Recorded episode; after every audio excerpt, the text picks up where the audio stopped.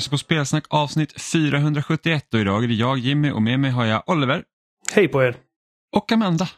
Försökte du finta mig? Ja, det försökte jag. Bytte ordning så här lite allt. Nu förstår jag varför Johan tycker det är så himla roligt. Förstår du det nu? Ja, nu ja, precis. Nu när jag bytte ord ordningen. Det är lite kul att hålla er på tårna.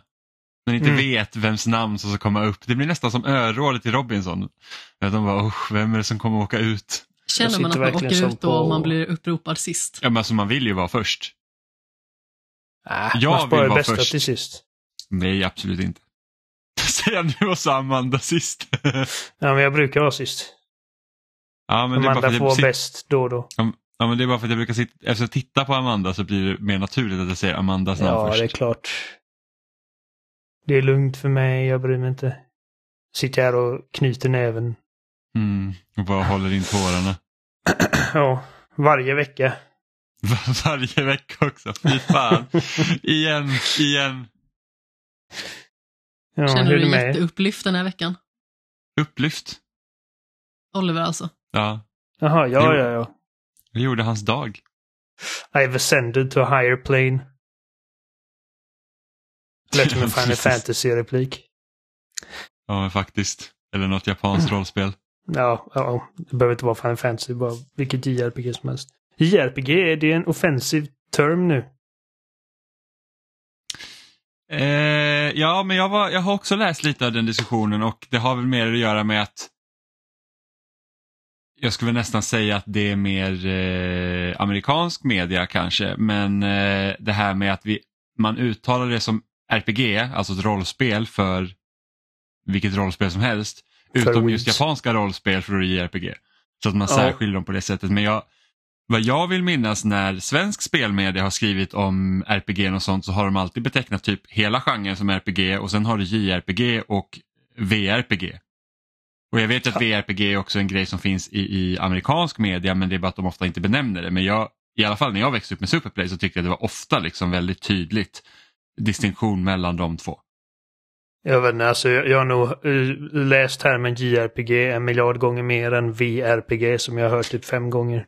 Ja men det är för att JRPG är eh, många fler. Alltså VRPG var ju ofta typ såhär Baldur's Gate, ehm, vad heter nu kommer jag Planescape Torment. Planescape Torment, precis. Alltså Jag den att- typen av spel räknas som VRPG typ. Idag är ju alla spel RPG-ish.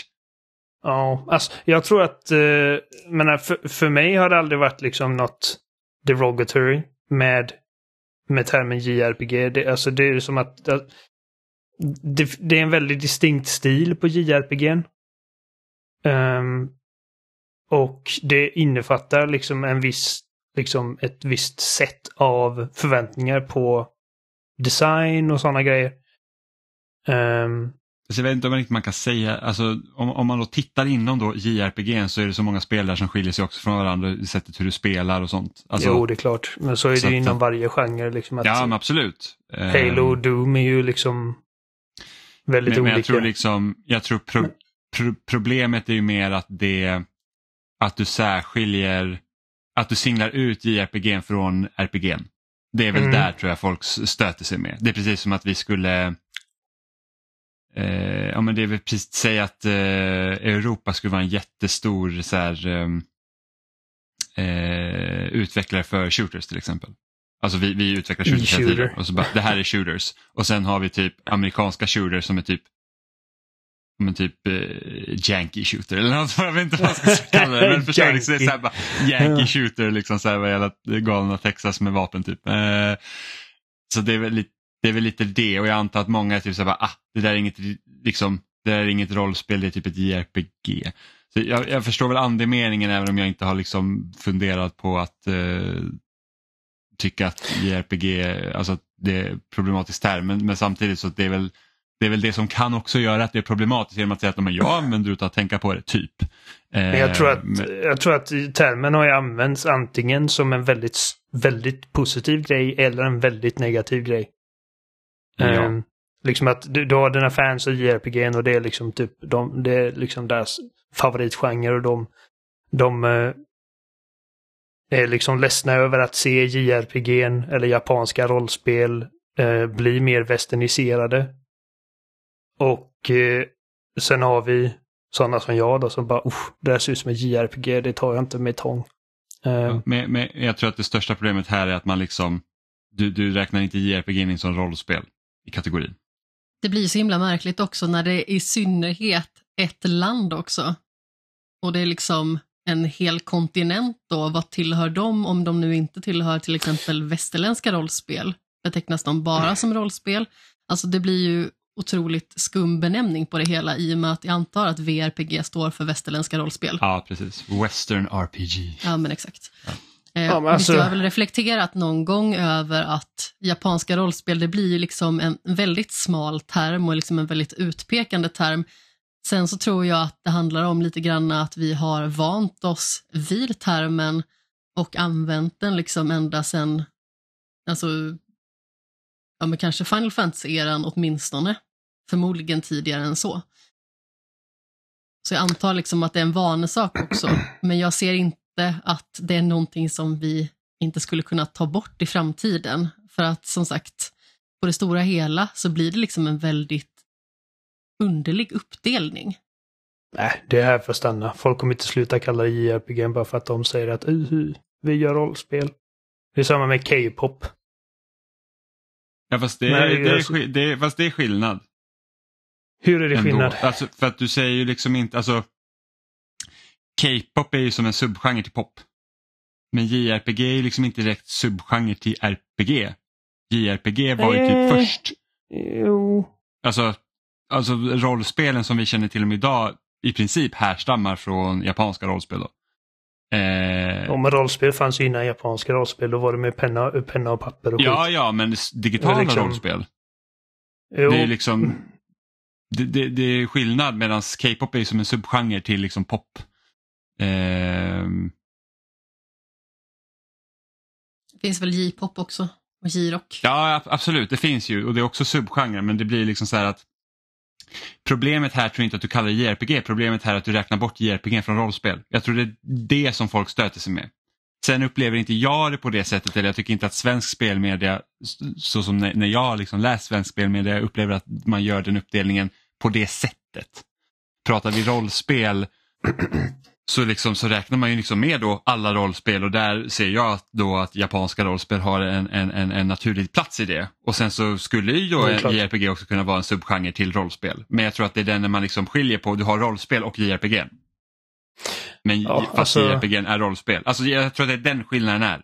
Eh, och jag Jag tror tror det är den man liksom har höjt röster om och tyckt att det liksom i så fall är problematiskt.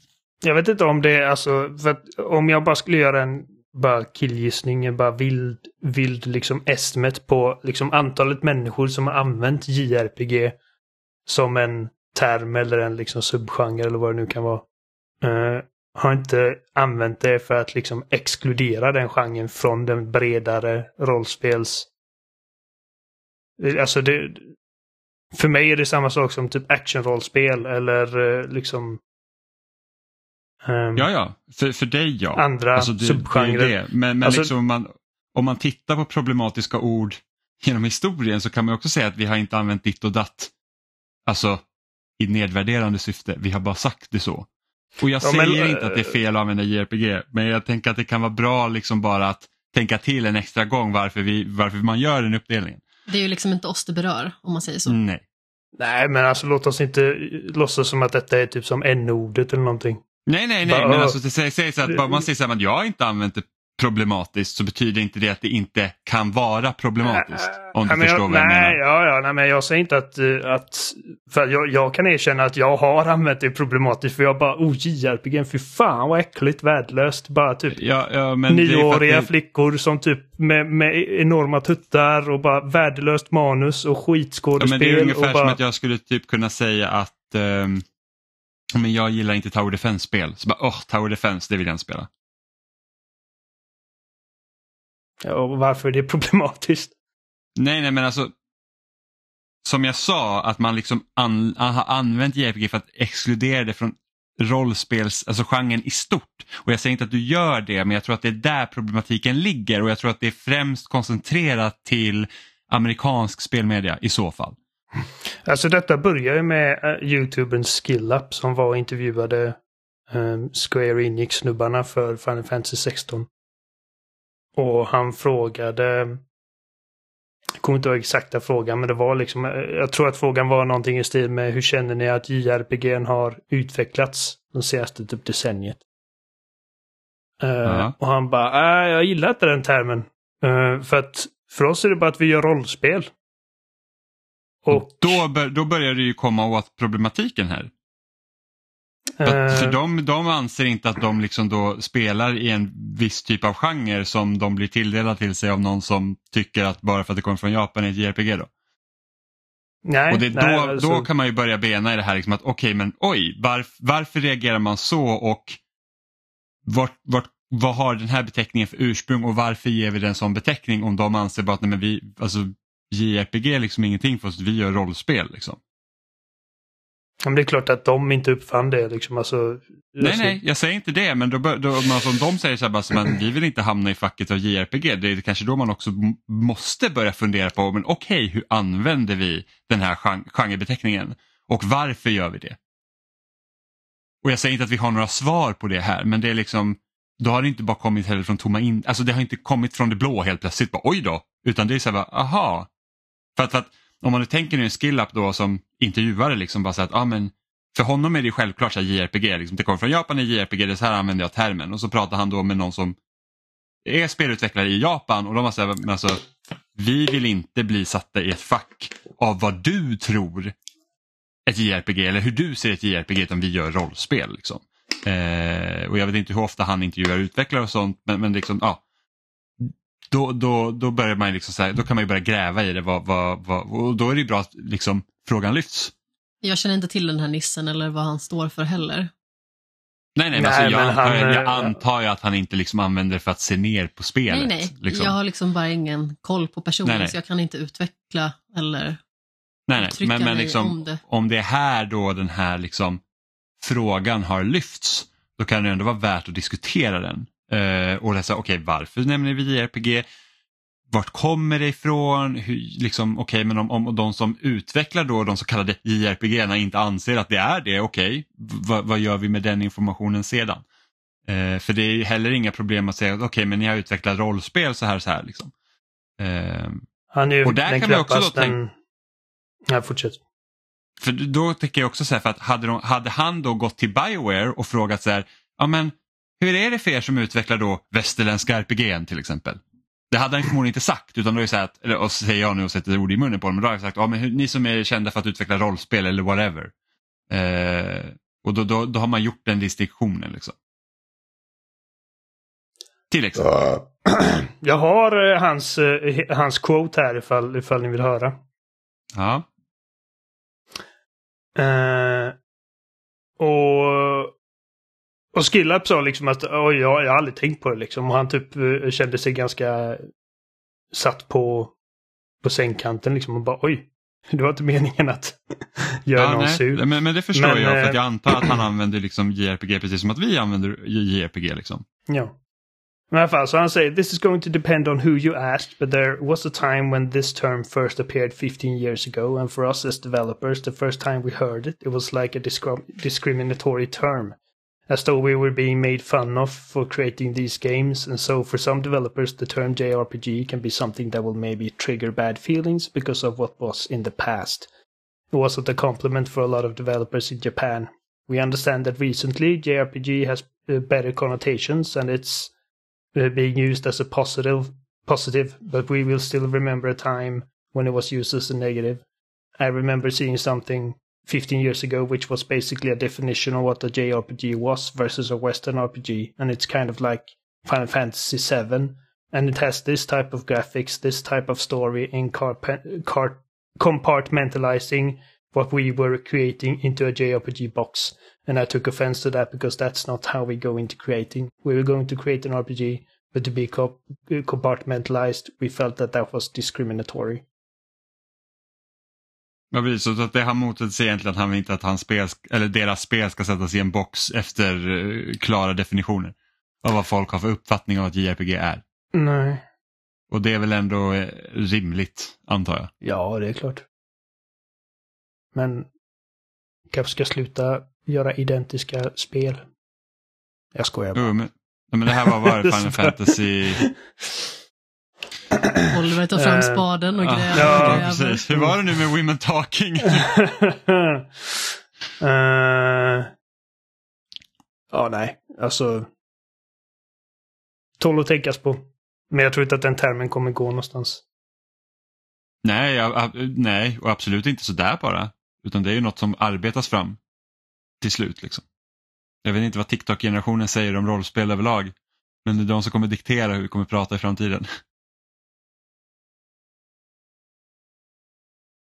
Så, Ja. nej men det, det är liksom, det, det är ju, det är ändå bra att han då tog det bra. Och sen antar jag att många många mindre bra människor blir upprörda och hans vägnar över att de tänker inte sluta säga JRPG exempel. Men framförallt så tycker jag att det var ett väldigt bra sätt att förklara Ja. från utvecklarens sida. Absolut, och det är, det är så man lär sig. Liksom, och så här, okej, sen, med den informationen sen får man ju ta ställning då. Liksom, okej, vi kanske inte ska boxa in spel på Men det precis, sättet. behöver vi använda det här i marknadsföring? Behöver vi uttrycka oss på det här sättet när vi recenserar spel eller när vi tycker till om spel? Mm. Är det nödvändigt? Ja, men precis. Liksom. Och uppenbarligen tänka- så finns det ju en grupp som inte tycker att det är nödvändigt för att det liksom gör en väldigt distinkt kategorisering som de känner att inte de står för. Mm. Jag kan väl tänka ifall man är ett fan av den här genren. eh, så är det bara så mycket lättare att ha liksom ett ord för just den här specifika.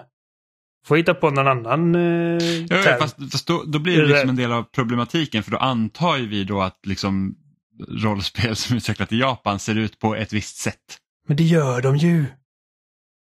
Alltså inte helt och hållet, egentligen inte längre. liksom, alltså, om, jag, om du skulle säga till mig så här, tänker du på ett JRPG så tänker jag eh, omgångsbaserade strider och typ eh, ett gäng ungdomar som klarar allt med vänskap typ. Mm. Och Och, det- alla det- det har stäm- eh, liksom Sonic the Hedgehog-frisyrer. Alltså ge mig en slideshow på typ 50 rollspel och jag alltså, garanterar att jag kommer kunna säga de här är japanska. Jo, jo, men ja, för att det finns ju en kultur, precis som att du skulle kunna säga att det är ett västerländskt RPG. Genom att få en slideshow eller typ den här skämtbilden över alla shooters som släpptes under typ PS3 och 360 som kom från USA. Liksom, Jo, det, men, men japanerna är också liksom, de är ju kapabla. Jag, jag, hade inte, jag hade inte liksom pekat på designen i typ Bloodborne och sagt det där är ett japanskt. Eh, nej, nej, precis. Och. Bloodborne skulle egentligen kunna klassas som ett JRPG. ja. Egentligen, liksom, om man ska tänka så. Men då, då, ser det liksom, då har inte den här typ anime-stilen och då är, liksom, då, då är det typ, då välkomnas du in i finrummet så att säga.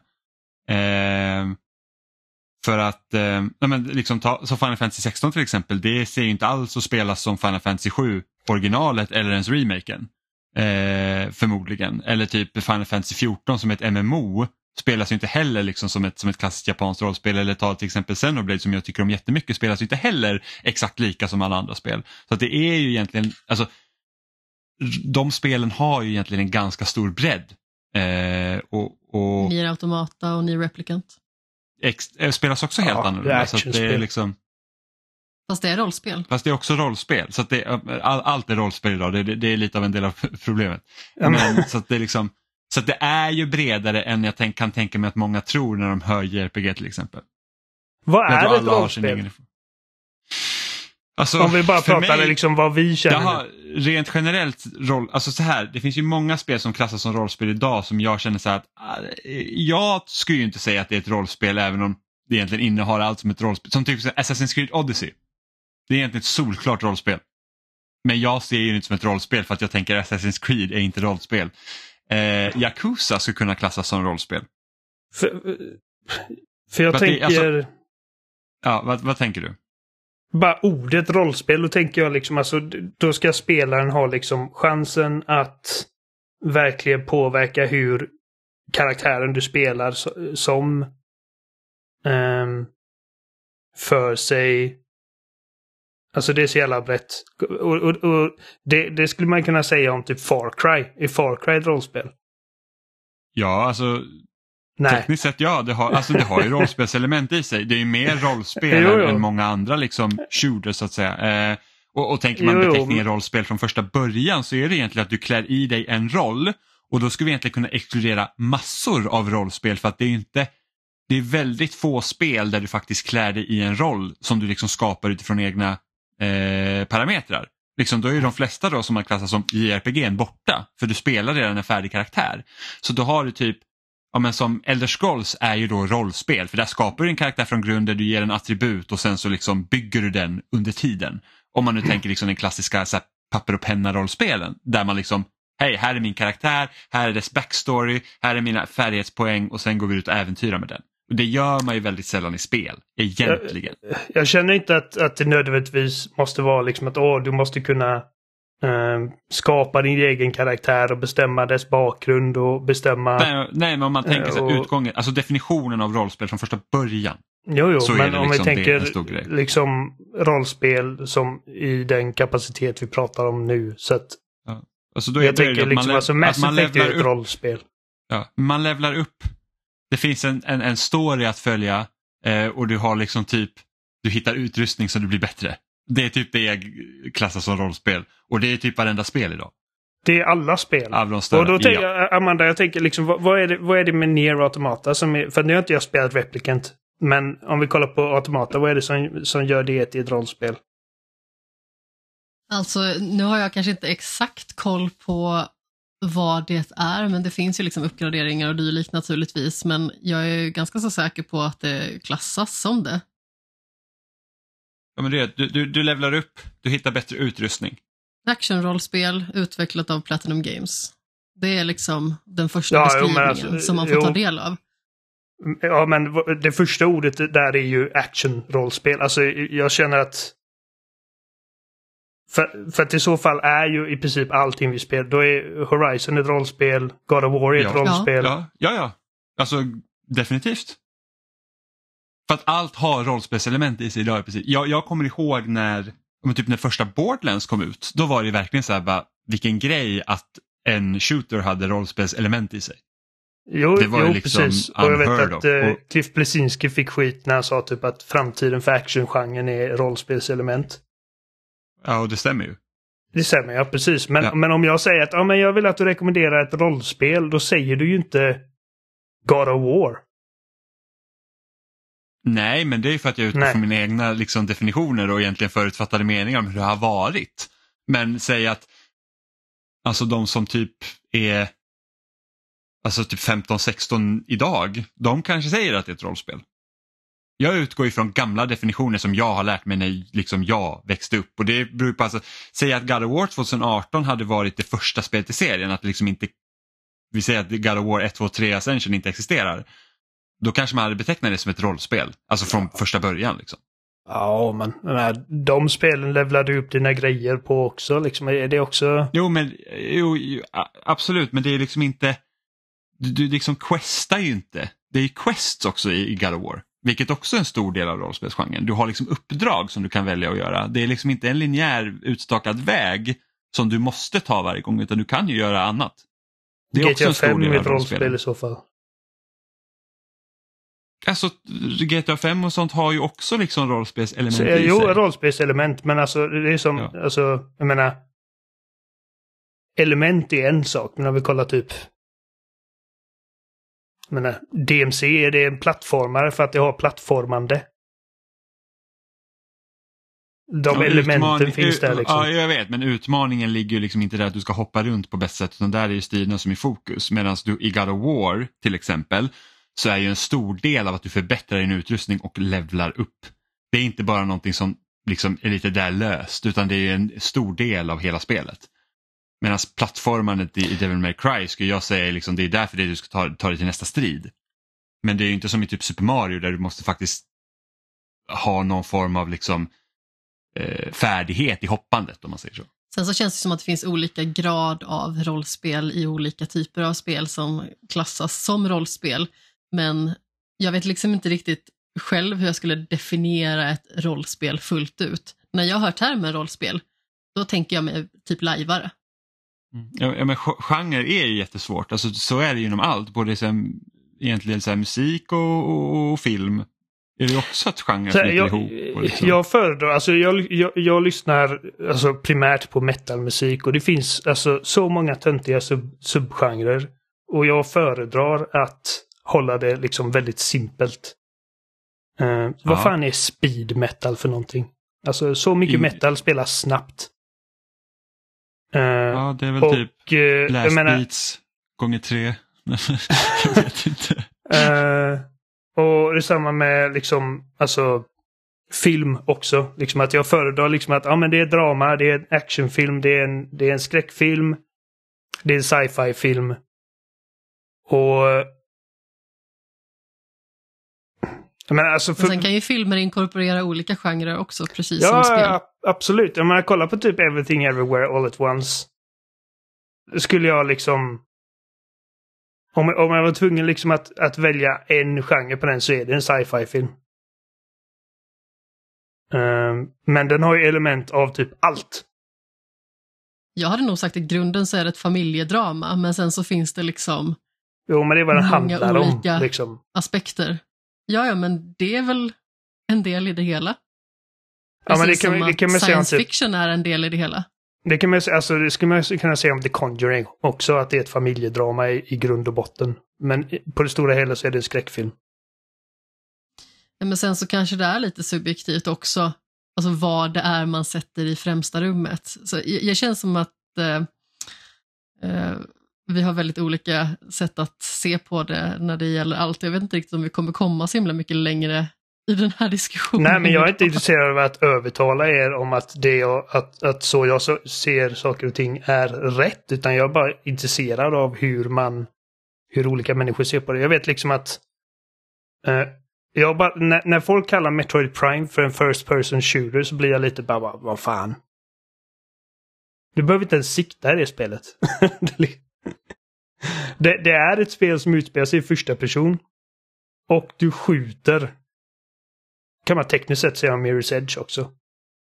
Mm, jag, tror, jag vet att när Metro Prime kom ut så pratade man väldigt mycket om att det var ett FPA, då, ett First Person Adventure. Vilket också är så här, inom den smala genren av Metroid Prime och Mirror's Edge eh, när vi hade kommit upp till 2008. Ja, men, men Metro Prime skulle jag bara säga det är ett äventyrsspel. Och, man, och, liksom, och ännu mer, liksom, då blir det så här, i, i, när man snackar om genre så finns det så mycket som man kallar typ Souls-like, det är Metroidvania, det är Ludo Shooter, det är de här liksom mer specialiserade grejerna. Ja men sen och tänk, tänk att alltså, från grunden också ett äventyrsspel, det är ju picka-klicka-genren. Ja, Det är originalet av Adventure Games och det är liksom långt från typ eh, Curse of the Monkey Island till Uncharted som också ska kunna vara ett äventyrsspel. Och äventyr är Mm. ju väldigt brett begrepp om något. Ja, ja, ja. Inte lika brett Jo, som det är det. rollspel nu då i dagens nej, nej, klimat men som det, inte men det är bara för betyder att rolls, eh, rollspel är ju med i allt. Liksom. Eh, så att Så det är vi det kan- som är... Det vi behöver inte ens, vi behöver inte liksom pensionera JRPG. Vi kan bara pensionera rollspelen helt och hållet. För att om, vi, om det är någonting som vi har kommit Men var fram det inte till du nu som ville att, hålla det simpelt? Du gjorde det precis krångligt. Det är ju bättre att säga vi säger rollspel om allting än att vi säger liksom bryter ner den här genren i massa subgenrer. Nej, nej, men vi tar, vi tar bara bort, vi, vi snackar inte om rollspel längre för att allting har gear och levlar idag. Eller hur hur? skulle du då, hur skulle du då beteckna liksom då ett traditionellt rollspel som går verkligen ut efter de gamla parametrarna? Ja, ja, men um, okej, men om vi är i den världen för att när, när ni pratar om att okej, Horizon är ett rollspel. I den världen Mm. så betyder inte rollspel någonting. I den världen där ett traditionellt rollspel kan, ka- är, är liksom ett rollspel, ja men då kallar vi det roll, rollspel. Men vad är ett traditionellt rollspel då? Det du nämnde. Nej men du måste, nu måste du kunna svara på den frågan för då måste du också veta det. Ja, men jag- svarade på den frågan förut. Alltså för mig, för mig handlar det om... ehm, det, det är liksom en viss typ av... Och det är så jävla konstigt för att liksom jag, jag, jag vet vad ett rollspel är när jag ser det. Jag tänker alltså Witcher är ett rollspel. Ja, och vad gör Witcher att- mer ett rollspel än Horizon? Du spenderar inte liksom... Vad ska man säga? Alltså betydligt mindre fokus. Alltså the meat and potatoes i Horizon är striderna. Det är liksom hela sälj, argumentet att du liksom går upp med pil och båge mot en stor robotdinosaurie. Och det är ingen som har liksom köpt Witcher för att okej, okay, jag ska gå och döda drowners i träsket. Nej, liksom, men det är typ den svagaste drown... delen av Witcher. Ja, fast, fast drowners i träsket är inte motsvarigheten liksom en stor robot T-rex. Nej, okay, det är, ja, men, liksom, ja, men, det är de äh, små. Ja, alltså men- Witcher 3, Witcher 3 marknadsfördes ju också som att du liksom du slogs mot typ en så jättestor typ eh, vad heter de, örnhäst eller vad det nu är för något. det, det är liksom de stora monstren liksom. Hippogriff. Nej men det är ingen Eh, hippogriff. Nej, jag kommer inte ihåg vad de kallas. Eh, Nej, men liksom så att det- Wyverns det- och... Ja precis, så att det är liksom det är, och, och ta Monster Hunter då, är inte det ett rollspel? Jo, men det, det, det, det är ett actionrollspel. Men där, där, jo precis, men där säljer vi också in, där är ju striderna verkligen liksom det stora, att du jagar stora feta monster. Likt Jo, men- Horizon. Ja, men, men där är det verkligen alltså, det finns, det finns mer submenyer i det spelet än vad det finns Ja, monster ja, att döda. men, men, så, så, Och det är men liksom- andelen, är det menyerna då som gör ett rollspel? Eh, Hur, hur djupt kan vi gå i menyträsket för att det ska vara ett rollspel? Det, att men liksom, du- du det, har det, det är det som är olika grejen. Rollspel betyder ingenting. För att du har massa olika vapen i, i, i Monster Hunter, du har jättemånga olika pilbågar i Horizon. Och du liksom kan gå ut och jaga dem om du vill och du har massa olika färdigheter och Precis, du skill går upp i trees. nivå. Och går upp i Du nivå får dina och liksom så att. Ja, men då är Call of Duty ett rollspel också. Ja, fast hur långt ner går det i menyerna i Call of Duty Oliver? Nej, men där går du upp i level och du har hundra olika vapen och du kan typ späcka dem precis som du vill. Och du sätter dina perks på din karaktär. Och du du väljer inte hur du ska se ut. Men du har inte olika uppdrag till exempel. Där har du ingen questlog när du kör multiplayer. Nej.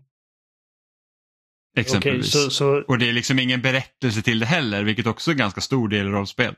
Ja, ja, det, det här är lite min poäng nu då. För att, att just det här med liksom att det finns sidouppdrag. Det, det är liksom inte en stark... Det är liksom Nej, nej, en, det är- en liten aspekt inte- av Nej, ja, vad som det är gör ett rollspel bara- till ett rollspel. Ja, men, precis, för att det är massa olika parametrar som, som, som tillsammans blir rollspel. Och där måste jag ändå ge Horizon att det har tillräckligt mycket för att det liksom ska vara ett, egentligen ett rollspel. då.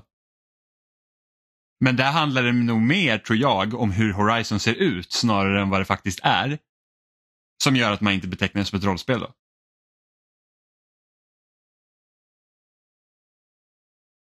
Ja, det Det är vad jag tror i alla fall. Så ett rollspel idag är ju väldigt brett med tanke på att nästan varenda liksom spel har de elementen i sig. Ja, men precis, om vi tar The Witcher 3 till exempel och ställer det mot Horizon, då ser man ju ganska så tydligt att det vi kallar rollspel existerar i de båda oavsett om man liksom slåss mot en grip, som jag antar att det var det du menade innan Jimmy, Ja, förmodligen. och eh, en liksom robot. Robotgrip. Det hade varit något. Ja, men verkligen.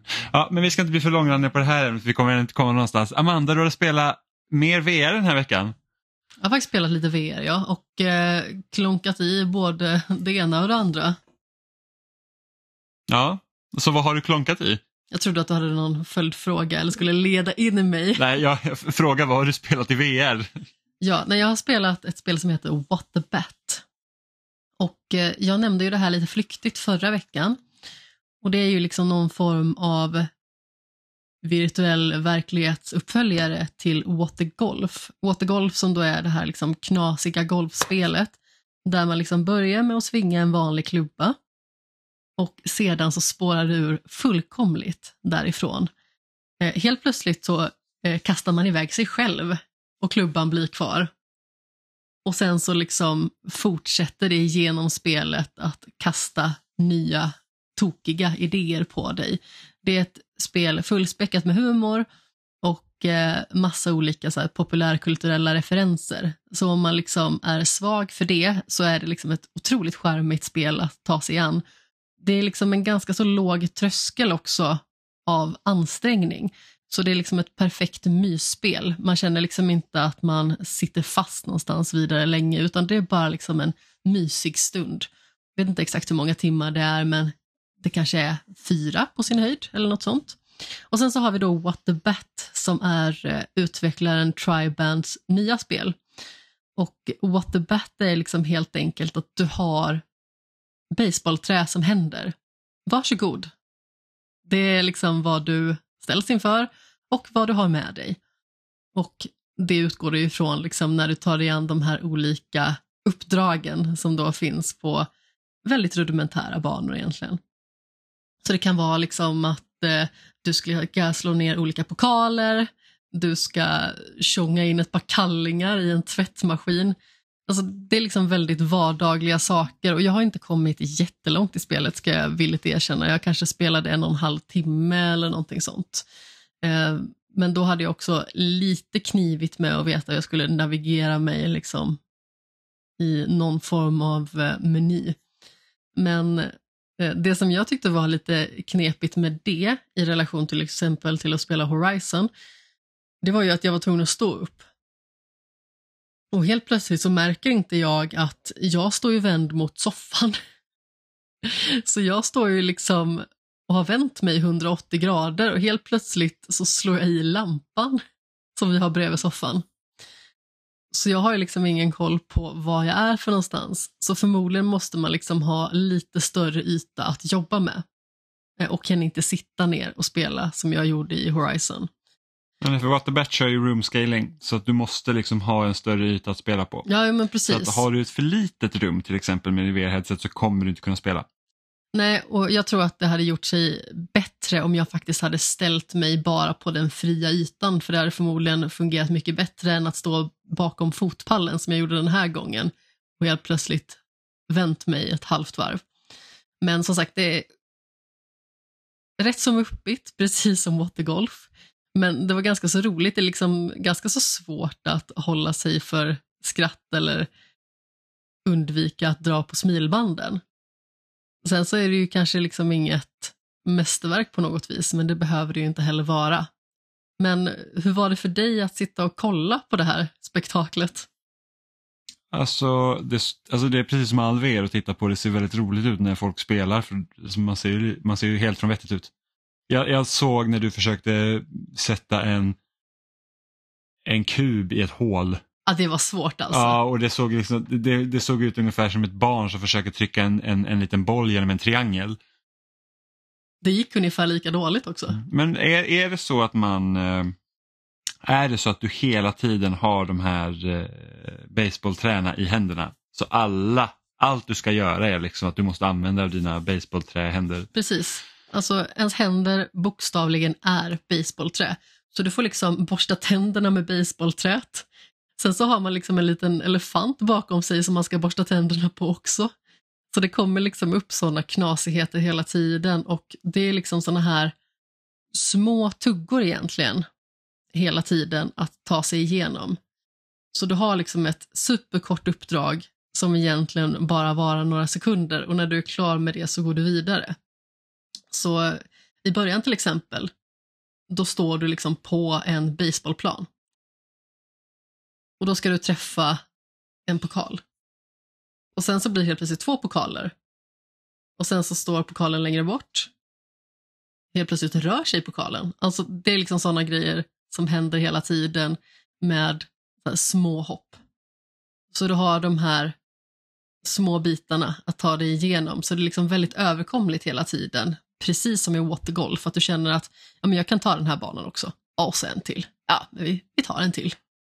Så man kan ju liksom typ... bli fast i det ganska så länge bara för att det liksom är så överkomliga nästa steg. det är lite som eh, Warriorware och de mikrospelen. Liksom. Exakt. Och som sagt, det är ganska så roligt. Man känner sig ofantligt dum när man står där och så försöker man hälla flingor i en skål och lyckas liksom inte ens vända upp och ner på flingpaketet för att man har, ja, brännbollracket till händer. Mm.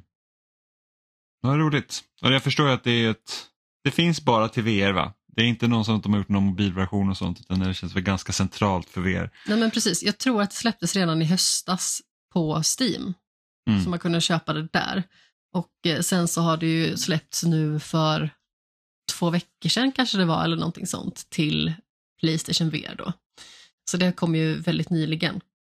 Men eh, om man liksom vill ha en tokig stund och inte behöva tänka allt för mycket så är det liksom ganska så trevligt att avlasta hjärnan på. Ja, men det är trevligt. Alltså Watergolf var ju väldigt bra. Ja, alltså jag tycker ju definitivt att Watergolf är bättre.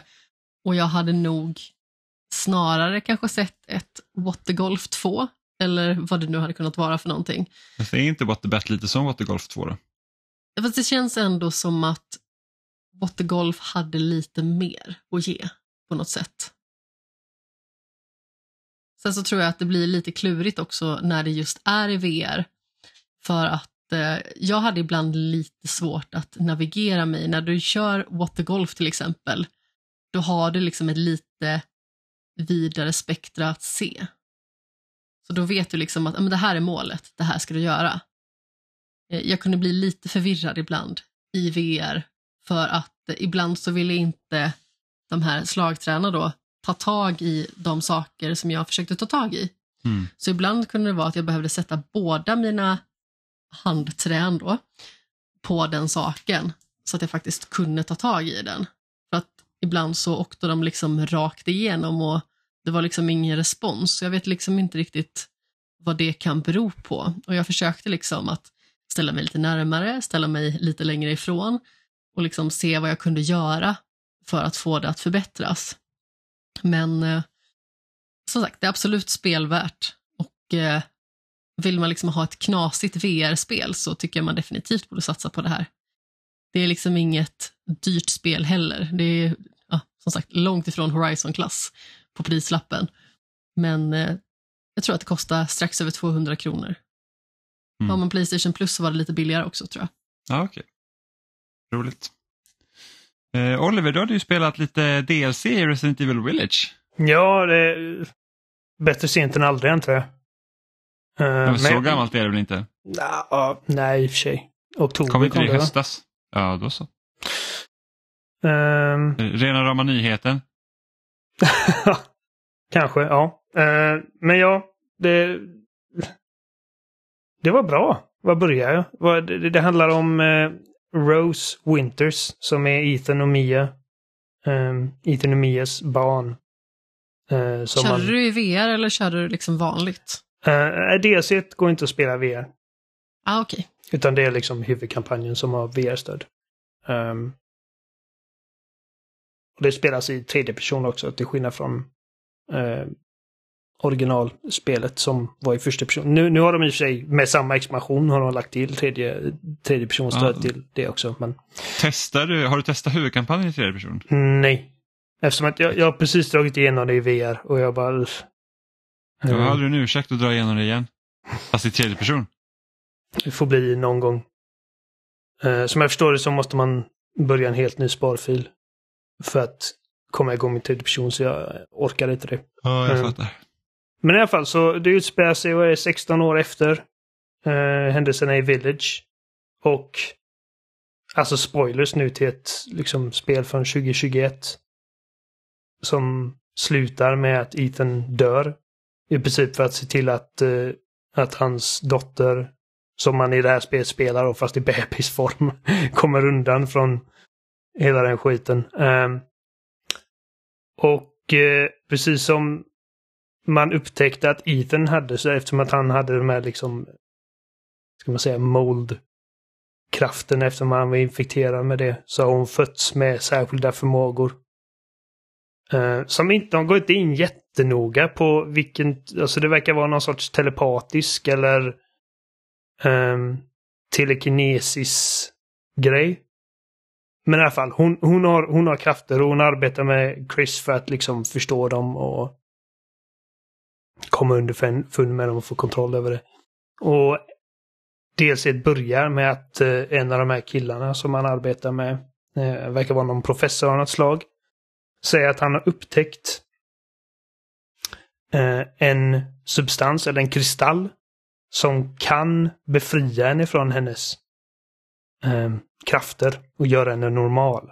För en stor del av handlingen i spelet är att hon liksom har växt upp lite som en outsider. Ehm, hon svettas liksom vit sörja till skillnad från vanliga människor. och har blivit väldigt mobbad av det i hela sitt liv. Och eh, har inga vänner och alla tycker att hon är liksom ett läskigt freak. Så hon vill ju givetvis bara liksom, hennes högsta önskan är bara för att bli normal. Um, kruxet med att liksom komma åt den här kristallen är att hon behöver dyka ner så här Inception style i det kollektiva medvetande som är den här liksom eh, vad är mold på svenska? Mögel. Mögelsubstansen.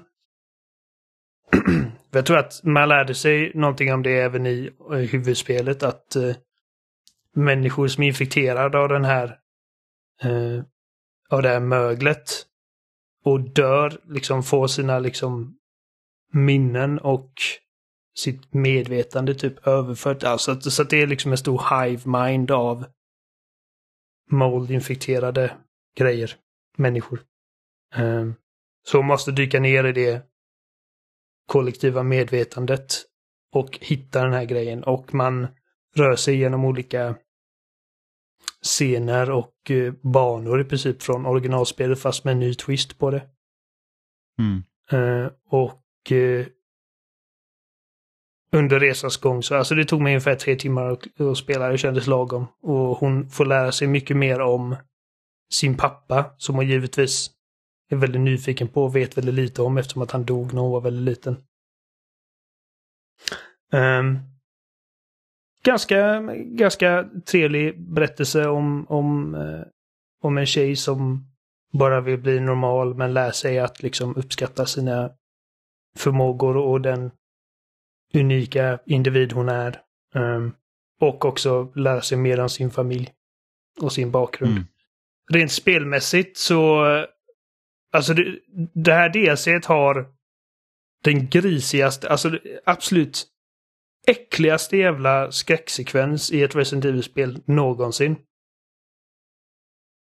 Um, och den utspelar sig i samma liksom, korridorer och, och, och källarbana som den här bebisdelen uh, i ja. originalet.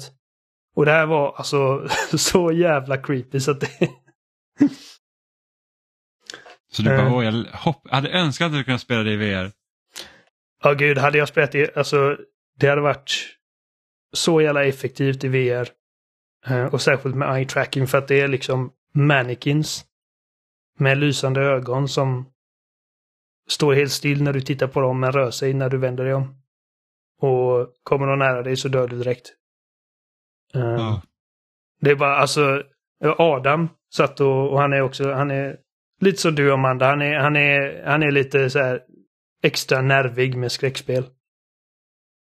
Uh, och alltså han, bara, han satt och liksom skrek och typ vi hade så här share screen. Det är jävligt trevligt på Playstation när man kan göra det. Ja. För han, han sa att han ville se mig spela det för han kommer aldrig våga spela det själv. Um, och alltså jag, tro, jag tror att han var ännu mer rädd än vad jag var. Det är en sån här liksom att någonting som inte förlitar sig på chock. Um, shock power eller liksom jump scares och grejer som Resident Evil 7 gjorde mycket av. Utan att de liksom sätter en grej mitt i rummet. Som bara är väldigt uncanny och obehaglig. Och så bara unleashar de den här liksom, ah, vilken jävla, vilken, vilken, vilket mardrömsscenario det var. Ascoolt, jag älskar det. Ja, vad roligt. Um, att de lyckas göra sådana grejer liksom även i DLC 1. Ja, de, de har ju lite mer, jag tror att de har lite mer svängrum i ett DLC. Till att verkligen gå liksom och göra weird grejer. Så en mm, bana... Det var lite så... samma sak eh, Alan Wake. Expansionen Precis, till det ja. spelet var ju också betydligt mer liksom experimentella. Precis, och jag tror att det är sådana element som kanske inte hade gått över jätteväl i liksom ett mainline Resident Evil-spel där, viss, liksom, där vissa förväntningar måste uppnås. Uh, men som, som funkar liksom i en liten typ så här, tre timmars upplevelse. Och det fick mig att tänka väldigt mycket på Alan Wake för att du har liksom en en röstlös entity som, som hjälper dig genom de här utmaningarna som hon ställs inför. Eh, och gör det genom att skriva meddelanden på väggarna. Nästan exakt som Alan Wake, liksom när du typ går fram till... Du ser ordet gun skrivet liksom med bläck i luften. Och så går du fram och så blir det en, ett vapen. typ samma sak här. Ja. Eh, och det är liksom väldigt, eh, alltså nästan övernaturligt med de här liksom krafterna och grejerna hon har. Och eh, det är massa kloner av henne liksom. Eftersom att det är mer typ av en mardrömsvärld hon, hon rör sig igenom snarare än en, en fysisk plats med regler. Så kan de gå lite mer bananas med det. Som en bana så, är så har du förvandlats till en, liksom, du har blivit mycket mindre och du går runt i ett i ett rum som är liksom, alltså om du tänker um, vad fan heter det? Lånarna. Har ni sett Lånarna någon gång? Alltså Nej. väldigt små människor och liksom eh, dockorna är plötsligt större än vad du är. Ehm, Ja. så att, ja, det var trevligt. Eh, rätt kreativt, väldigt creepy. Och med en ändå okej story. Så Ja, eh, om du gillade, om, om ni gillar Resident Evil 8 så, så är det absolut spelvärt. Nice. Ehm, en annan grej som hände egentligen idag nu när vi faktiskt ska spela in det är faktiskt att Last of Us säsong 1 är ju klar. Mm. Ehm, Det fick det låta som att det kom som en chock. Ja, det var ju väldigt chockartat. Jag hade förväntat mig fem avsnitt till. Eh, och så bara, då var det slut. Nej. Eh, men jag tänkte bara så att vi, vi pratade lite om det när, när den första liksom, avsnitten kom ut och det verkar väldigt lovande och nu undrar jag bara liksom, hur känner ni nu när säsongen är klar? Hur liksom står sig The Last of Us säsong 1 mot eh, spelet? Ja, Amanda. Jaha. Alltså, jag tycker ju att, eh, precis som jag sagt tidigare, att den här serien är ett otroligt steg liksom i rätt riktning för spel som adapteras till film eller tv-serie. Oh, ja. Det som jag tycker är så himla fenomenalt med den här tv-serien, det är liksom att den tar många av godbitarna från spelet. Sånt som alltså, personer som har spelat spelet kommer känna igen och kommer bli varma inombords av. Men de har också gjort väldigt smarta val där de har valt att fördjupa sig i olika karaktärer eller göra små förändringar i vissa karaktärer för att få en annan respons hos tittarna. Och Jag tycker liksom att de har gjort så himla kluriga avvägningar i och med att de också har The Last of Us Part 2 liksom med sig i bagaget så har de också kunnat eh, plantera saker inför en uppföljande säsong. Vilket var otroligt tjusigt. För nu fick jag ju faktiskt till exempel se Jackson. Innan så fick man ju bara se det här eh, vattenkraftverket, är det va? Mm. Ja. Och eh, när de liksom skulle vara där och reparera det i spelet. Och det gjorde ju också att när vi nu får se Jackson i serien till exempel, då blir det ju liksom en helt annan inramning och det betyder också att saker kommer hända lite annorlunda. Jag tycker att de flesta valen som de har gjort, där de har tagit steg från serien, de är logiska, de fungerar och det är liksom inte precis som att de har gjort några så här jätteradikala förändringar i hur saker händer för att det resulterar i samma sak.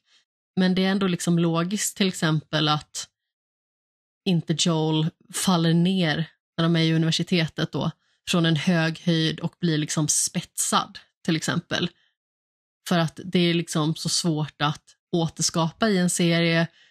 Eh, I och med att det liksom är ett tv-spel så är det också lättare att köpa att han faktiskt överlever. Det gör det lite svårare till exempel när man ser det i en serie. För att han hade förmodligen avlidit av ett sånt fall. För att han hade förmodligen liksom, jag tror att det var att de kom fram till att eh, han, hade förmodligen spetsat levern liksom där. Så eh, ja, jag tycker absolut att den här serien har satt en så otroligt hög ribba i år för alla serier. Det är den första liksom fullständiga serien som vi ser klar som är släppt från 2023. Eh, men det ska mycket till för att den ska slås av andra serier oavsett genre. Jag är liksom så enormt glad över att den här har blivit till, hur den har skapats, vad de har tagit i beaktning. Jag kan verkligen rekommendera, precis som jag fick rekommendera till mig av en lyssnare, att eh, ta sin lyssning på avsnitten från eh, HBO-kontot, eller vad man ska säga. Det vill säga liksom den här eh, specifika podcasten om eh, The Last of Us då med Troy Baker, Craig Mason och eh, Neil Druckmann. Framförallt så får man liksom en djupare inblick i hur de tänker, varför de gjorde vissa val. Och dessutom känner jag att när man lyssnar på dem efter avsnitten så blir det liksom ett form av mervärde också. Man får lite kuriosa, man får en tanke bakom hur skådespelarna liksom har jobbat. Man får liksom också deras bild på varför de har behövt göra vissa förändringar och hur det liksom rent praktiskt ska fungera. Alltså den här scenen till exempel med eh, prickskytten som vi kände så väl igen för att där strider man ju enormt mycket i eh, det första spelet. Där har de ju liksom byggt upp en hel replika av den gatan fram till det huset. Och sen så blir det ju liksom ett lite annat tillvägagångssätt och eh, resultatet är ju i mångt och mycket fortfarande detsamma, men det sker lite andra saker längs med vägen. Så jag, jag tycker fortfarande att eh, man borde lyssna på den om man liksom är intresserad. Det är lite som när Jimmy pratade om till exempel eh, den här dokumentären. Psychology. Precis, förra veckan. Eh, och det ger ju liksom en sån inblick i skapande. Så om man har det intresset så tycker jag att det gör liksom väldigt mycket och jag tror liksom att det gör någonting med ens egen kreativitet också. För att man lär sig liksom nya tankesätt och ser också att det är liksom inte så lätt som man tänker att det är. De är väldigt... Det är väldigt lätt att sitta i tv-soffan och säga att ja, men det här borde de ha gjort annorlunda i spelet eller det här borde de ha gjort annorlunda i serien. Och det är klart att man får ha liksom den faktiska åsikten, men det finns med stor sannolikhet liksom en tanke bakom de olika val de har gjort och på liksom en sån detaljnivå att vi förmodligen inte kan föreställa oss liksom hur tidskrävande och energikrävande det är. Nej, men alltså det, inga beslut görs liksom bara willy-nilly bara för att få saker i världen. Um, den podcasten, alltså de är ändå oväntat öppna i den podcasten. Liksom, för att det är så vanligt när man liksom lyssnar på kreatörer och eh, när det kommer upp frågor liksom, ah, vad, vad tror ni att han tänkte där eller hur, hur, hur vad betyder den här sekvensen? Oftast blir det liksom att, ja ah, men eh, det vill vi låta liksom vara öppet för tittaren eller vad tänker du? Och de bara, ja ah, men när Joel tittar på henne där så tänker han exakt si och så. ja men precis, det kanske finns någonting kryptiskt i hur många uttrycker sig. Just för att de kanske förväntar sig att tittaren själv ska plocka upp det. Men det som de berättar tycker jag liksom ger mig väldigt mycket i förståelsen av karaktärerna och framförallt att tydligare kunna se nyanserna som spelar in där och liksom hela bakgrundshistorien blir liksom så himla mycket mer köttig av hur de uttrycker sig. Och Sen så kanske det är liksom en fördel att den här förlagan då är nästan tio år gammal och det är så många som till exempel har spelat spelet som känner igen hela berättelsen så väl utan och innan. Jag tror liksom att det är därför de också är villiga att vara så öppna för att det är så många som redan känner till ursprungsmaterialet. Och här får de liksom en möjlighet att fördjupa relationen till det materialet också i samma veva som man fördjupar relationen till det man just har bevittnat i serien. Alla är så jävla, alltså, de har bara liksom bra grejer att säga om produktionen också. Bara det har varit som en dröm och liksom det här är typ för, liksom fantastiskt projekt och när jag går runt på de här setsen så, så jag har precis gått in i spelet och det får säga att liksom um, det har lagts mer krut och liksom production design på den här serien än vad man ser i många serier liksom. Och inte bara typ andra tv-spelsadaptioner. Um, ehm, jag, jag, jag är nöjd med serien. Jag tror att alltså... Jag ser ofta frågan liksom på, eh, på Twitter och på liksom sociala medier när folk säger Åh, vad tyckte ni serien eller spelet är bäst? Och jag känner liksom nästan att det är en omöjlig fråga för mig att besvara för att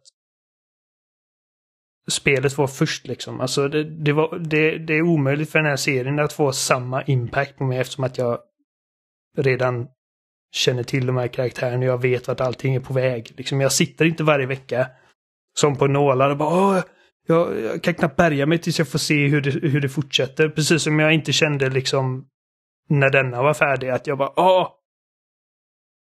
Nu ska man vänta ett år på nästa säsong eller mer. Uh, förmodligen mer.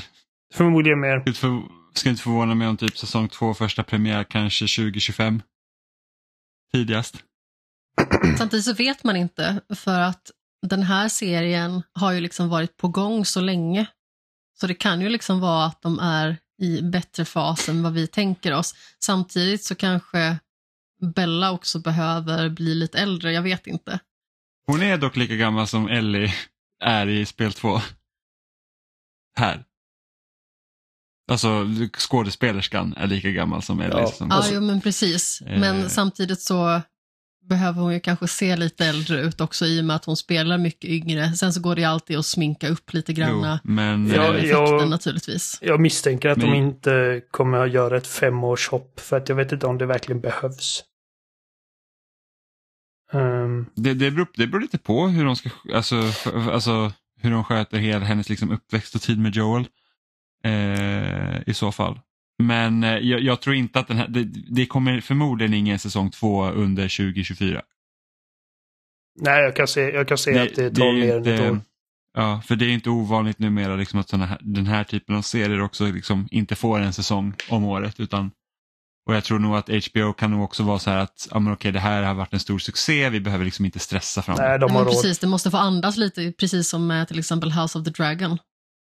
Ja, och att det är liksom så här att det, det, är så mycket pengar och liksom det måste göras vissa grejer i produktionen som liksom tar tid och så att man inte bara skiter ut det helt enkelt. Ja, eh, och sen planera upp hur de ska faktiskt göra en säsong två Precis. Med, med tanke på hur spel två är uppbyggd. Det är liksom ingen lätt det är grej. mycket mer komplicerat eh, än första spelet. Ja, för det är så här, och jag har sett lite olika, liksom, alltså först här, okej okay, men ska vi väva ihop liksom Ellie och Abbys storylines liksom, så att de går typ parallellt på något sätt och hur gör man det på bästa sätt? Eller skulle det vara så att de delar upp säsongen totalt, vi har så här, vi säger Ellie-säsongen och sen så får vi Abby-säsongen. Hade de, liksom, jag tror inte att de själva vet riktigt hur de ska tackla liksom, materialet än, men vi vet i alla fall att spel två kommer i alla fall vara mer än en säsong. Eh, för att den är mycket mer omfattande. Ja men exakt. Det andra spelet är ju i mångt och mycket dubbelt så långt som det första och det första spelet har ju liksom en sån komplett, ganska så rak berättelse.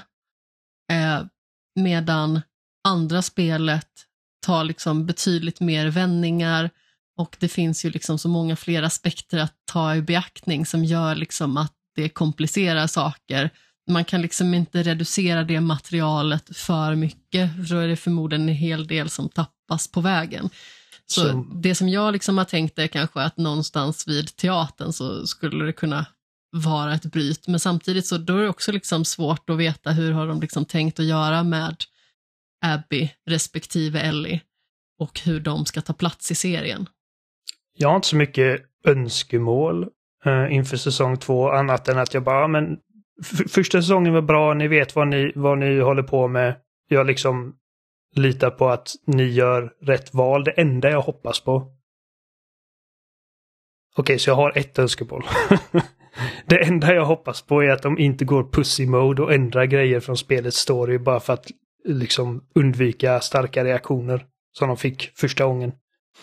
Typ som att... Ja, det tror jag inte. Åh, Joel det... överlever den här gången. typ. det skulle, jag tror att det skulle ändra för mycket. Det, det hade inte varit Nej, samma berättelse om då. Om han skulle överleva, det skulle väl vara ett ramaskri om någonting. För att det är ju någonting som... Alltså, då hade det ju liksom inte ens blivit en fortsättning. Jag såg eh, en recension där han snackade om att jag tror att eller den här personen sa att jag tror att eh, kanske liksom att Pedro Pascal i alla fall får överleva till slutet av nästa säsong och att det inte händer lika tidigt som i spelet. Helt enkelt för att man behöver inte tänka så mycket på star power i ett spel. Liksom, det är ingen som går och köper ett spel för att en viss skådespelare är med i spelet. Eh, och Pedro Pascal är så het nu och har liksom en sån stor fanbase. Men samtidigt så, jag vet inte om jag håller med. Alltså, om alltså, det hade stämt så hade ju liksom ingen brytt sig ifall Joel... Okej, att det inte är att folk köper det för att Troy Baker är på omslaget, men det är liksom Joel. Och eh, i så fall hade de inte kunnat ha ihjäl Sean Bean i Game of Thrones heller. Det är liksom... Nej, nej men inte bara det. Det är liksom så att, att, att det som händer Joel i del två är ju liksom katalysatorn till att det Ja. spelet överhuvudtaget kickas igång. Så Ja, men jag, precis, det var ju men- det jag menade innan också. för, för Pedro Pascal blir ju kvar i tillbakablickar och sånt Ja. skulle de säkert kunna göra mycket mer av. Men jag- än vad de gjorde i spelet till exempel. Den här personen sa liksom att han behöver dö, men jag tror att de föreslog lite att man tar tillbaka blickarna i kronologisk ordning. Jaha, Och jag, det jag, det, hade blivit, det hade inte blivit bra. Alltså det finns en anledning till att det är strukturerat som det är i spelet. Ja, gud ja. Och Ja, man- precis, det är ju för att spela på de liksom, emotionella strängarna ordentligt. Precis. För att när man ser tillbaka, det är då man blir nostalgisk och eh, allt som man liksom har gått igenom bubblar upp igen. Ja, och, och när man liksom... Den födelsedagsscenen är liksom jättefin, men den blir mycket värre också för att man vet hur det slutade för dem. Liksom. Så att... eh, Jag vet inte. Det, ja, som sagt, det, jag hoppas att de, att de står på sig för att jag vet att det är många kommentarsfält liksom på typ IGN och Moviesign och de här liksom bara ja, de måste ändra massor ifall den här säsongen ska bli bra. Och jag bara fuck you. Stay in your lane. ja. Men precis, men sen så känner jag ju att skaparna av spelet, eller spelen, och skaparen av serien, de har ju liksom väldigt mycket starkt samarbete Mm. och dessutom så blir det ju att jag har svårt att se att de inte ska bibehålla det mod som de har visat tidigare. För att vad man än tycker om The Last of Us Part 2, jag tycker att det är ett otroligt bra spel. Jag tycker fortfarande att första spelet är bättre, men det är ett otroligt modigt spel.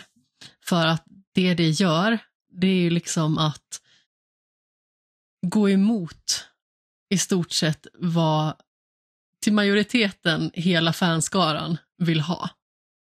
Mm. Jag Så jag med. tror att de har modet att göra det igen.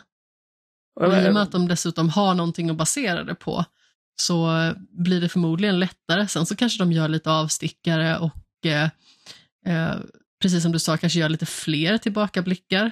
Det hade ju varit någonting. Men eh, jag har svårt att se liksom att eh, de ska eh, gå ner på knä liksom och försöka att eh, eh, Nej, jag tror inte göra heller. precis vad publiken vill ha i så fall när det kommer till ändringar. Nej, Jag, jag, jag tror att de är eh, vågade nog. men jag tror inte att de gör det heller. Det, det var bara liksom att det är typ det värsta de kan göra ifall jag tänker liksom eh, mardrömsscenarion för hur säsong två kan suga ifall de liksom böjer sig. Eh, Men, säsong precis, men två, de verkar vara väldigt visionsstarka liksom, som individer. ja jo, absolut. Eh, men spel två Mm. har ju också mycket mer utrymme för att liksom lägga till och fläska på grejer än vad första spelet hade. Eh, och alltså första Och ändå säsongen... tycker jag att Mm, Ändå tycker jag att det de har lagt till tillför väldigt mycket till berättelsen.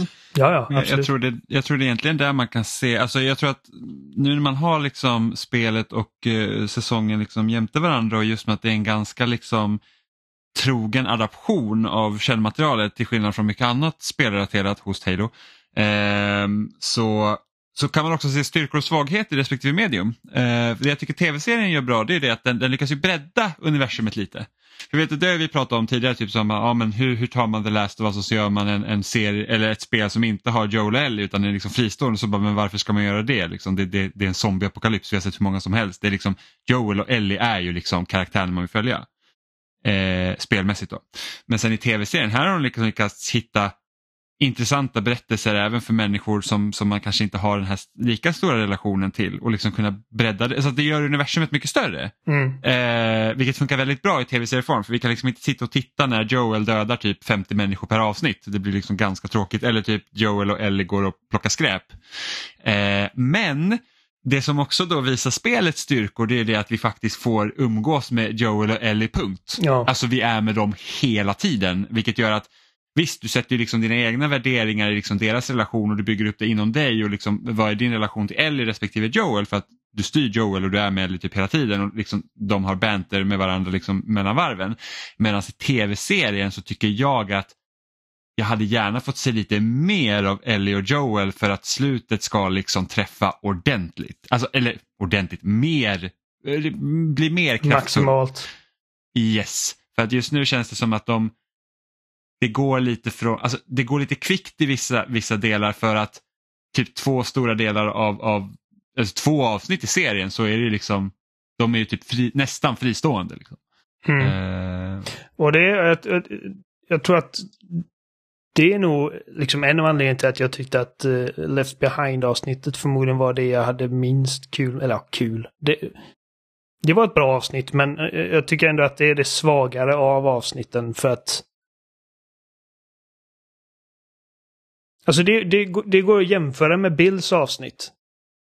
Eh, skillnaden med, för att, för att båda är avsnitt där man liksom tar en paus från den här liksom duon som vi är där för, Joel och Ellie. Eh, och tittar tillbaka lite och utforskade en annan relation. Eh, och, och just Left Behind-avsnittet är väldigt viktigt för Ellies berättelse. Det, är alltså, det måste ju vara där. Så det förstår jag ju. Eh, jag tror att anledningen till att Bills avsnitt eh, fångar mig så mycket mer var för att jag inte redan kände till det. Liksom. Och Left Behind var nästan bit för bit exakt samma som i spelet. Vilket jag vet att det är, liksom, det är många fans som det är det de vill ha. De vill bara se spelet exakt som de kommer ihåg det fast i live action. Medan jag är liksom lite mer att jag, jag hela tiden ser fram emot att se vad, vad som inte är exakt. Och det finns ju vissa grejer som absolut behöver vara exakt. Eh, för att de är så integrala till själva handlingen. Um, Ja, men precis, vissa scener är ju nästan exakt likadana. Och det är ju liksom också bara för att de är liksom så starka i grunden att det vore liksom nästan skadligt att ta bort dem. Så det finns ju vissa ordväxlingar till exempel, eller eh, citat som man kan dra ut, mm, som är liksom så starka att man behöver ha med dem. För att det liksom säger så himla mycket om karaktärerna och det säger så himla mycket om spelet i sig. Men jag håller också liksom väldigt mycket med om eh, Bills avsnitt, eller Bill och Franks avsnitt ska vi snarare säga. att Bill är en karaktär som man ändå känner för i spelet. mm, Man spenderar lite tid med honom och man förstår i mångt och mycket vad som har hänt honom. ja, Men att liksom få det här liksom. fylliga avsnittet med alltså, så mycket annorlunda material än det vi redan har fått se. Det gör ju liksom så himla mycket för karaktärens uppbyggnad. Och precis som jag säger, så här, fylligheten till själva universumet i sig. Att liksom få se de här tillbakablickarna eller sidoberättelserna. Det gör liksom väldigt mycket, tycker jag. Och jag menar, min favoritdel med det här senaste avsnittet var eh, öppningen. För att vi har inte fått se det i spelet.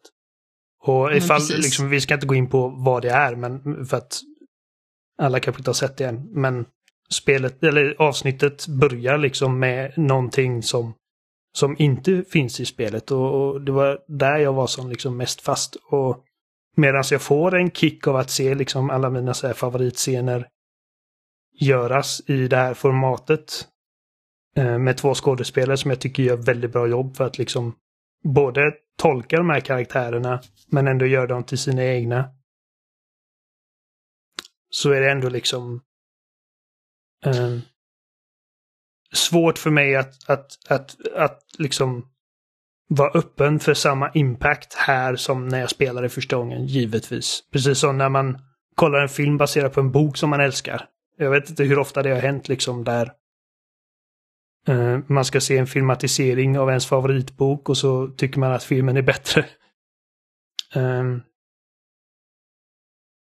så att... Uh, Men jag tycker även liksom de, de scenerna som varit liksom innan utbrottet har ju liksom också varit väldigt bra. Liksom ja. Som har gett hela liksom det här att vad är det som egentligen hände? Vad var det som gick snett? Eh, och hur såg det ut när det bröt ut? För att liksom i spelen så har vi bara väldigt så få typ tidningsurklipp och sen att, lite radio liksom i, i, i början av första spelet. Medan här var det verkligen så att okej okay, men jättelångt bak i tiden så bara någon gång i framtiden kommer, kommer liksom det här ja. vara ett mycket större hot. Och, och liksom så att, älskar de oj, här, Ja och sen oj, det, liksom, nu har det, den här hela stan har fått liksom en utbrott, vad gör vi? Ja, vi bombar skiten. Så bara, oj, men bor inte du där? Ja, jag går hem nu. Liksom, det, ja. det är bara att jag, ja. jag i princip signar min egen dödsdom och liksom bara sagt men det, det är vad vi måste göra. typ. Eh, även de grejerna var ju, var ju liksom väldigt bra. Jag älskar den scenen. Det finns inget liksom mellanting mellan att göra ingenting eller att nuka allting. Det är liksom mm. Allting måste eh, förintas. Eh, sen är ju Sen tycker jag liksom att Joels karaktär i tv-serien är betydligt mer sympatisk än vad han är i, i spelen. Ja. För att serien är inte lika brutal.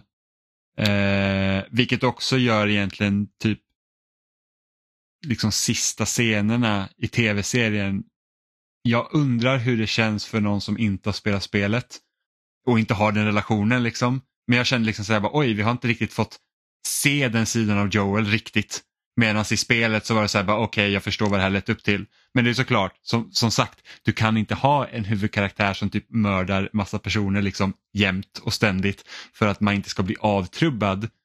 Eh, Medan du liksom i spelet, då var det så här att ah, men jag har slaktat och slicat genom liksom eh, 12 timmars spel här och när man kommer liksom till det, det liksom upptrappningen och att nu, nu, nu finns det liksom ingen återvändo. Då är man så bara, okej okay, Joel, jag håller kanske inte med dig men let's go. Liksom. Ja, men precis, det är bara att göra det. Men när man kollar på tv-serien och hur den avslutningen är, den blir så himla mycket mer chockartad och brutal kan jag tänka mig för någon som inte har spelat spelet tidigare och vet exakt hur det går till. Sen så tycker jag ju att det finns en scen där Joel öppnar upp sig för Tommy som verkligen är så otroligt stark. Och eh, där visar ju Pedro Pascal verkligen vad han går för med sitt skådespeleri för att det liksom skär i hjärtat. Alltså det, det är medvetet att de har gjort Joel lite mer, lite mindre gruffig och sur och... Eh, alltså det framgår ju liksom även i spelet att Joel älskar Ellie eh, i slutet av spelet. Men eh, Pedro Pascals version är mycket mer öppen med sina känslor. Även om han är mindre ja. öppen än en genomsnittlig människa idag kanske. Men som liksom när han skrattar åt hennes skämt där så halvvägs in. Det hade aldrig spel-Joel gjort. Liksom, han, han log inte ens Gud, mot henne för mot scenen. Ja, det är jättetrevligt. Uh, jag tror, för att svara på din fråga Jimmy, jag, jag tror ändå att de har liksom lagt spår fram till den punkten att folk liksom inte bara oj jag visste inte att vi, vi kollade ja, på nej, en jag, jag, karaktär jag som är kapabel en... till sånt här våld för att han avrättar den här snubben. Som en... Ja precis, jag, tror inte att det kommer som en överraskning så eh, på det sättet men jag tror att den det brytet blir nog lite hårdare i tv-serien. Ja, men jag kan, inte liksom, jag, jag, kan inte jag kan inte kapa bort min, min liksom kunskap om spelet. Det är ju det, jag, har ju, jag har ju, går ju in med en viss förväntan. Eh, och det, jag tror typ att en scen som jag saknar som jag, som jag liksom kanske hade liksom kunnat kunna kanske leda upp till, till det här då, tydligare, det är liksom under vinterdelen när, när liksom han, han i princip torterar två stycken personer i spelet. Mm. Och den var ju betydligt mjäkigare i serien. Eh, jag tror att, alltså, för att jag, tyckte att den var så mjäkig. Jag har tänkt på det här lite och jag vet för att eh, när jag pratat med Adam när han sa liksom att, att den här liksom sjukhusslakten eh, i serien var mycket att han kändes inte alls lika monstruös i serien Va? som han gjorde i jag, spelet. Jag, oj, alltså oj. jag tycker att det var betydligt obehagligare i tv-serien än vad det är i spelet. För, ja, verkligen. Jag tror att det, det om, man, om, vi, om vi kollar på den scenen och eh, tortyrscenen så tror jag att i båda fallen så är spelversionerna mycket mörkare bara i ljussättning.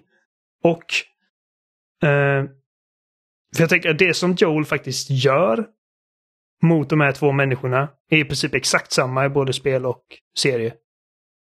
Han sätter kniven i knäskålen på den här snubben, ber honom att peka på kartan och sen stryper han honom.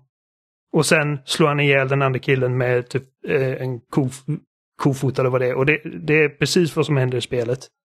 Uh, jag tror att bara Troy Baker är bättre på att leverera, eller bättre. Troy Baker väljer att leverera de replikerna mer kallt. Och liksom... Mm. Och det är även med... I, I serieversionen av sjukhusslakten så är det liksom lite av... Det är nästan som en jag skulle inte säga ett montage, men det är liksom inte en one shot där vi följer honom genom sjukhuset och han liksom man får se honom skjuta ihjäl alla, vilket hade varit motsvarigheten till spelet. Utan det liksom hoppar fram lite, det är över mycket snabbare. Men det är också mycket ljus, ljusare i ton. Och musiken är inte lika skräckfilm. För att musiken i den scenen i spelet är väldigt typ som att Joel är Boogeyman liksom. Och Ingenting kommer stoppa honom medan den är nästan hoppfull och dramatisk och vacker i serien.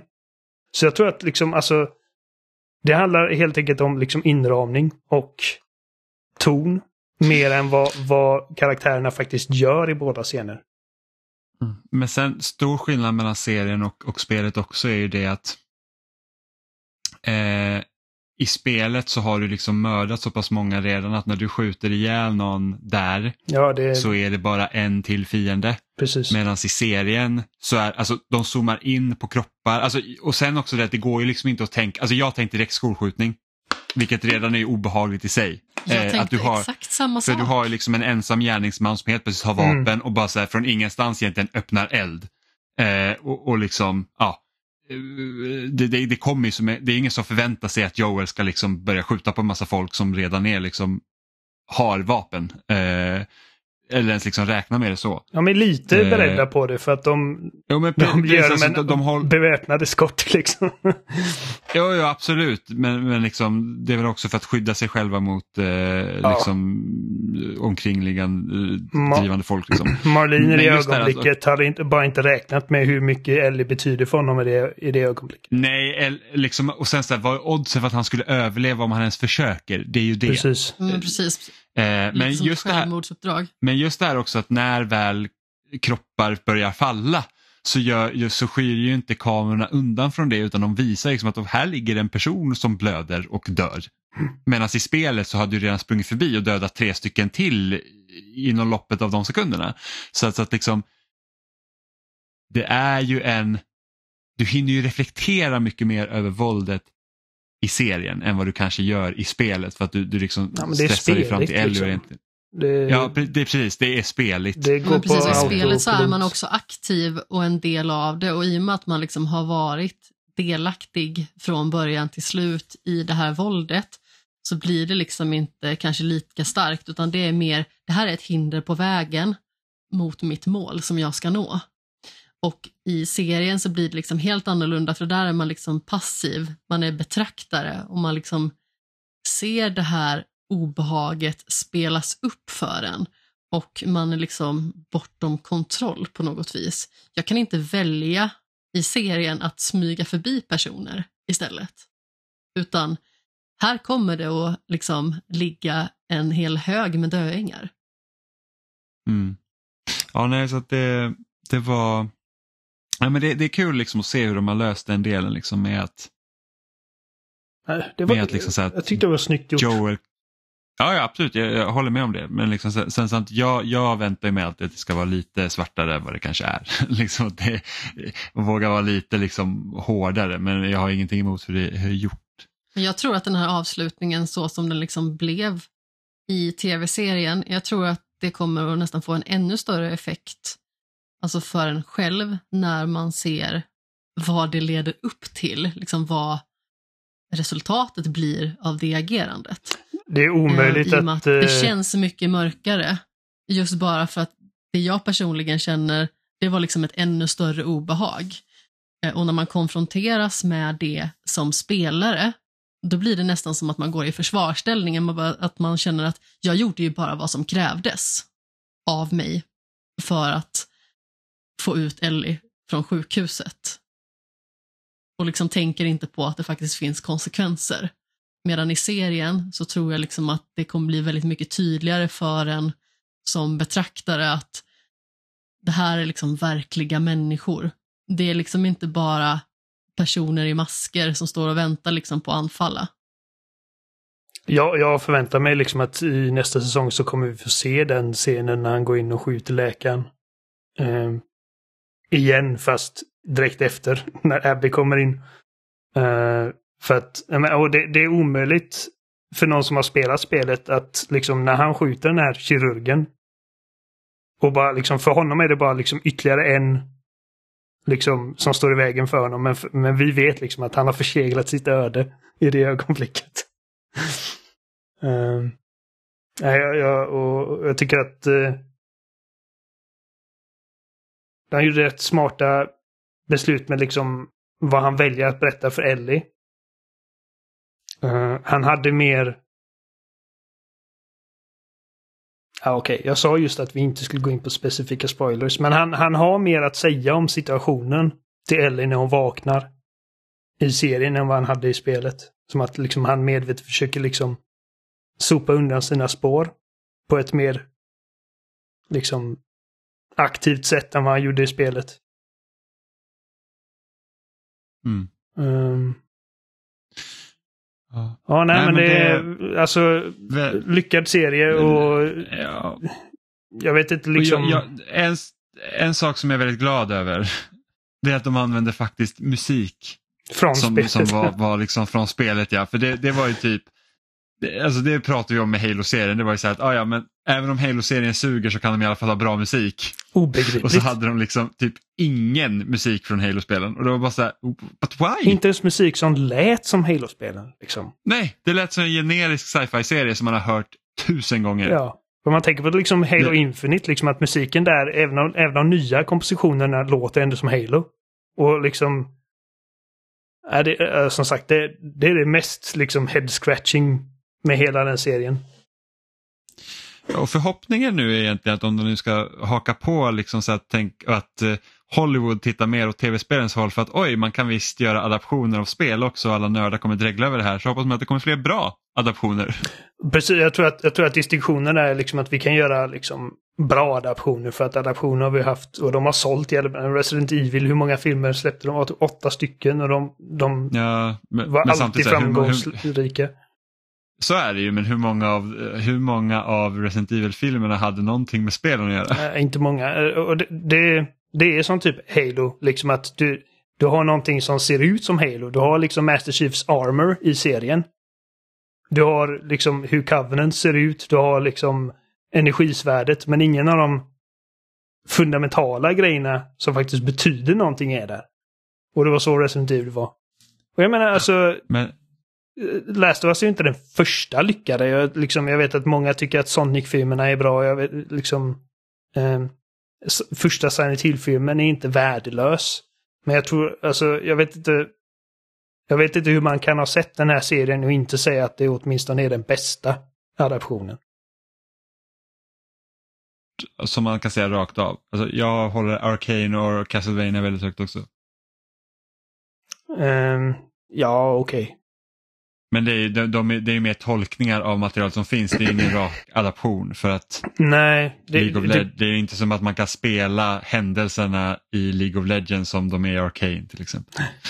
Eh, men, och sen det är också viktigt, liksom en viktig distinktion är att Last of Us är ett spel som också utvecklat med en väldigt linjär story. Precis. Till exempel skillnad från Halo. Det är alltså, eh, Last of Us är ju som sagt det, det är, en, det är en, en berättelse som är mycket mer tacksam att göra en serie eller en film på än vad Halo eller Sonic är.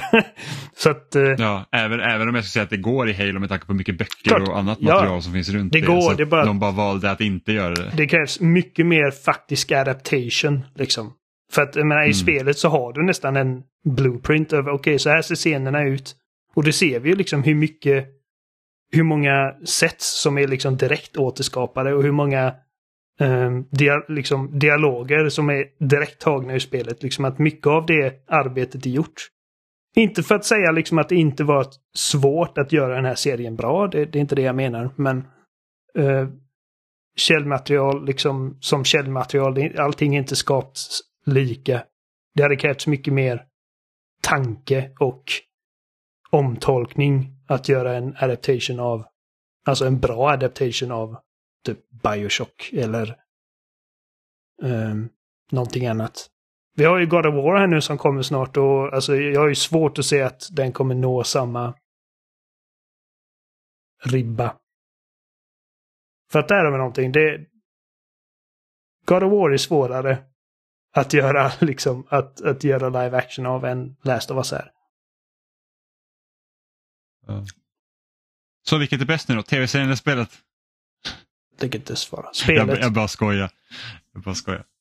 Eh, men det var nog allt vi hade för den här dagen och det här avsnittet. Eh, ni hittar oss som vanligt på spelsnack.com och där finns ni också länkar till alla ställen vi finns som Instagram, Facebook, YouTube, Spotify, Apple Podcast. Vi finns på alla ställen där podcast finns helt enkelt. Ni kan också mejla till oss på kontaktespelsnack.com om ni har synpunkter eller frågor eller vill att vi ska prata om något speciellt. Skriv gärna vad ni tycker om eh, The Last of Us-serien för att vi tyckte den var väldigt bra. Eh, kommentera också på loading.se, där läggs det också upp varje vecka. Helt enkelt. Och så hörs vi igen nästa onsdag. Hej då! Hej då! you.